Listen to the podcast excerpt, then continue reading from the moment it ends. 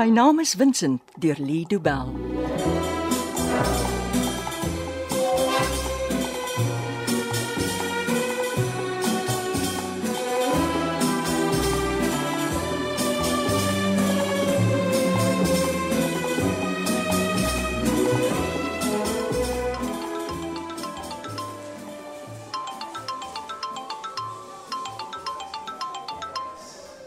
Hallo? Hallo Molly. Hi Matilda. Ja, ek kan nie glo dis verby nie. Ek wou nie vroeër plan nie want ek het geweet jy's by Vincent. Uh, is jy al weg of is jy steeds by die hospitaal?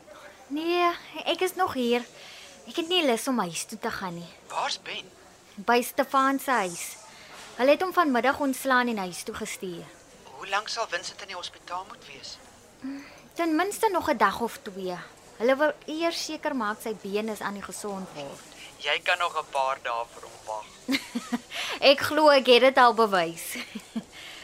Wanneer laas het jy van Louis gehoor? 'n Uh, Rukkie gelede. Hy bel my ten minste 4 keer 'n dag. Ek hoor al die nuus oor die plaas. Klink vir my dinge word ernstig tussen julle. Ja, dis hoekom ek met jou wil praat. Praat maar. Ek is in die wagkamer terwyl hulle Vincent se verbande omruil. Ek luister. Bel my as jy wil huis toe gaan, dan kom haal ek jou. Ag, dis nie nodig nie. Ek kry maklike taxi. Ek wil jou iewers heen vat. Ons moet oor belangrike goed praat. Dit klink geheimsinnig. Bel my.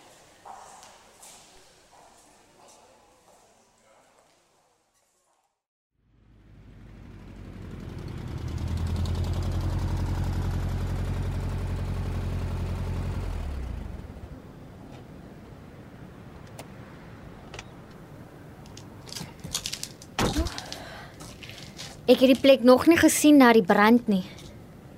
Ai, Matilda.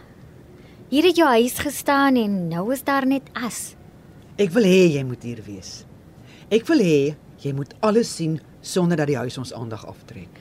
Ek kan nie glo nie. Jy en Louie het lewendig uit hierdie brand gekom. Ek ook nie, maar ons het. Het jy al besluit of jy met hom wil trou of nie? Uh dis nie veel van 'n besluit nie, is dit? Jy's reg. Dit sou dom wees om nee te sê. Jy is uitgenooi na ons troue.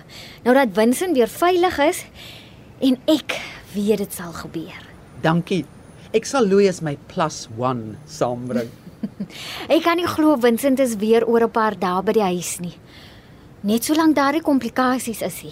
Ek hou albei my duime vir hom vas.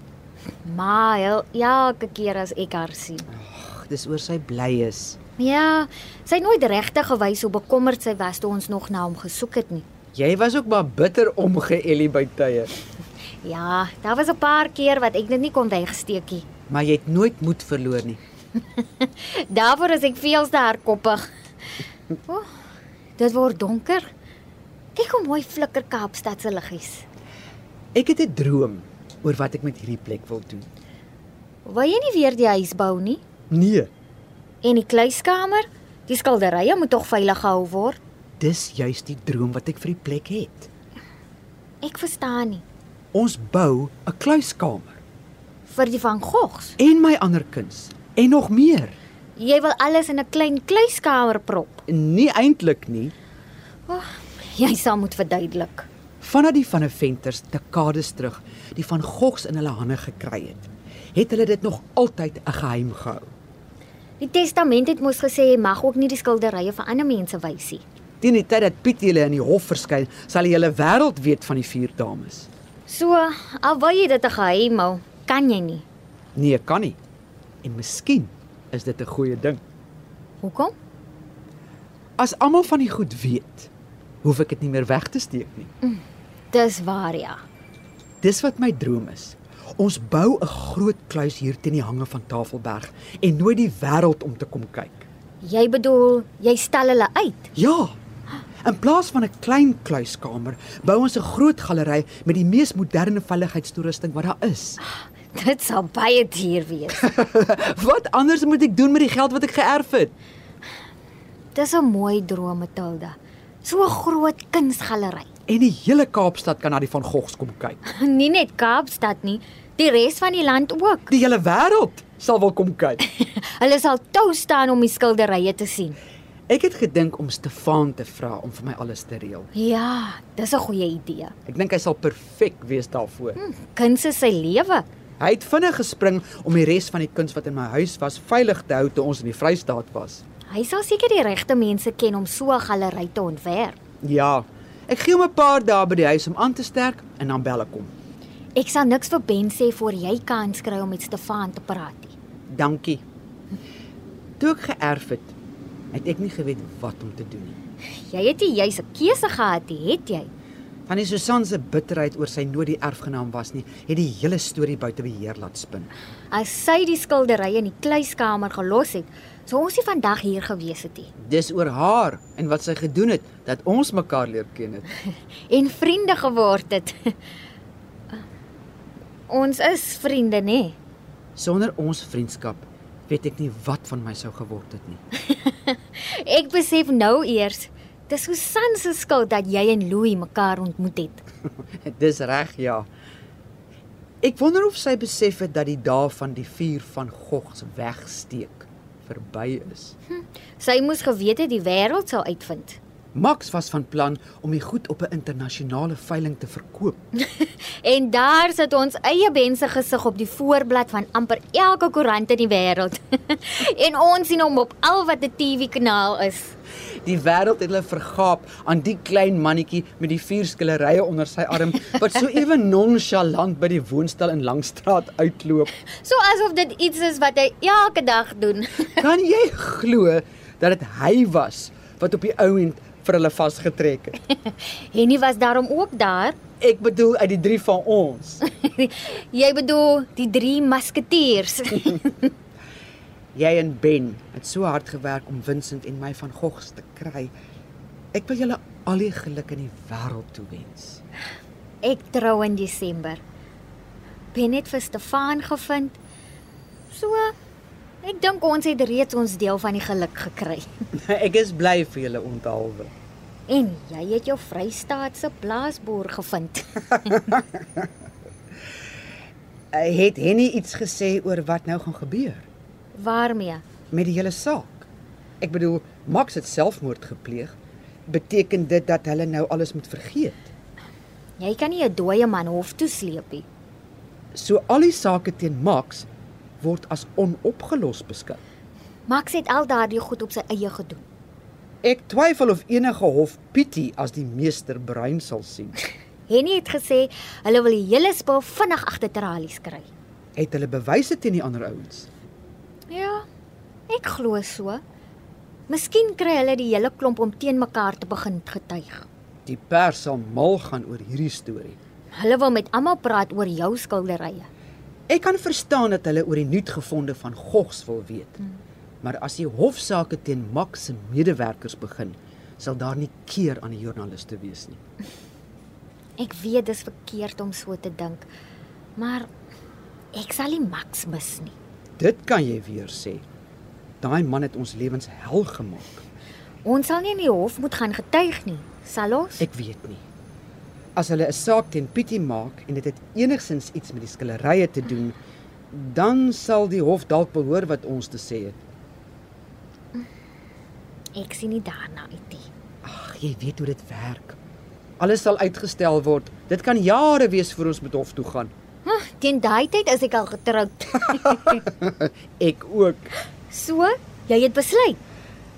Kom ons sê eerder ek sal sien. O, oh, toe jy al daardie tyd in die Comino op Hawksback gewoon het, het jy ooit kon dink dit is wat met jou sou gebeur het Nee my wildste drome nie. as jy alles kon oordoen? Sou jy dit so laat uitspeel het? Net solank dit alles weer hier eindig. Solank ons almal veilig is en die slegte ouens agter tralies is, is ek gelukkig. Ek wens die joernaliste wou ophou bel. Het jy al met enige van hulle gepraat? Nee. Almal vra vir onderhoude, maar ek weier om dit te doen. As hulle ooit in die hof oor die skilderye praat, sal hulle jou storie wou hoor. Mm, ek het nie werklik lus om met enige iemand te praat nie. Solank ons gereed is vir hulle. Arme tannie Susan. En wat pla jou nou oor haar? As die storie in die hof kom, sal almal weet dis sy wat die van Gogs gesteel het. Ek het nogals nie so daaraan gedinkie. Sy wou haar geknak het as sy dit moes ervaar. Ja. Susan was 'n trotse vrou. Ek wil nie vir haar jammer voel nie. Ek ookie. Nie as ek onthou wat alles gebeur het nie. Net omdat sy jou skilderye gesteel het nie. As sy en Max nog hier was, sou hulle saam in die hof moes verskyn het. Ek kan al sien hoe staan sy voor 'n regter met Max langs haar. Ten minste sal haar ergste skandes nou nooit uitkom nie. Vincent sê altyd mense kom vra vir 'n privaat speurder as hulle iets wil uitvind wat hulle geheim wil hou. Hy's reg. Ek het julle kantoor gebel want ek het reeds toe vermoed dis my tante wat die skilderye gevat het. En jy wou haar nie in die moeilikheid kry nie. Beslis nie. Jy het nie van Max geweet nie. Tannie Susan het ook nie geweet Max sou doen wat hy gedoen het nie. Hy kon goed geld gemaak het deur die skilderye wat Susan vir hom gegee het op te pas. Ja, maar hy het gierig geraak. Mense weet nooit wanneer genoeg genoeg is nie. En nou is twee van hulle dood. Twee lê en wag vir hulle wonde om te genees. En hoeveel mense sit in die tronk? En die res van ons wonder wat regtig gebeur het. Het Vincent al iets gesê oor die tyd toe hulle hom gevange gehou het? Hy praat maar min. Ek hoop net hulle het hom goed behandel. Uit wat ek kan aflei, was hy meeste van die tyd aan 'n bed vasgemaak en redelik bedwelmd gehou. Hulle het vir hom dwelms gegee. Vincent praat van 'n spesiale dopa van Max wat hulle hom 'n paar keer ingegee het. Wat het die dopa gedoen? Hy was so uit soos 'n kers. Hulle het dit gebruik as hulle hom iewers heen wou vervoer en as hy te bekleierig geraak het. Ek dink Vincent sou sy bes probeer het om die lewe vir daardie twee so moeilik as moontlik te maak. Die dokters het nie vanoggend vir my goeie nuus gehad nie. Is alles reg met die baba? Ja, die nuus was oor Vincent, nie oor ons baba nie. Hoe sleg was dit? Ek het vir een van die dokters gesê ek en Vincent trou in Desember. Toe sê hy dit sal nie moontlik wees nie. Hoekom nie? Vincent is al twee maal in dieselfde been geskiet en hulle wil sy vordering noukeurig dophou. Dit behoort nie te keer dat hy trou nie.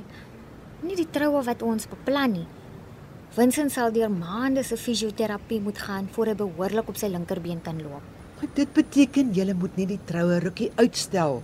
Dis nie die einde van die wêreld nie. Matilda, jy verstaan nie. Wat verstaan ek nie?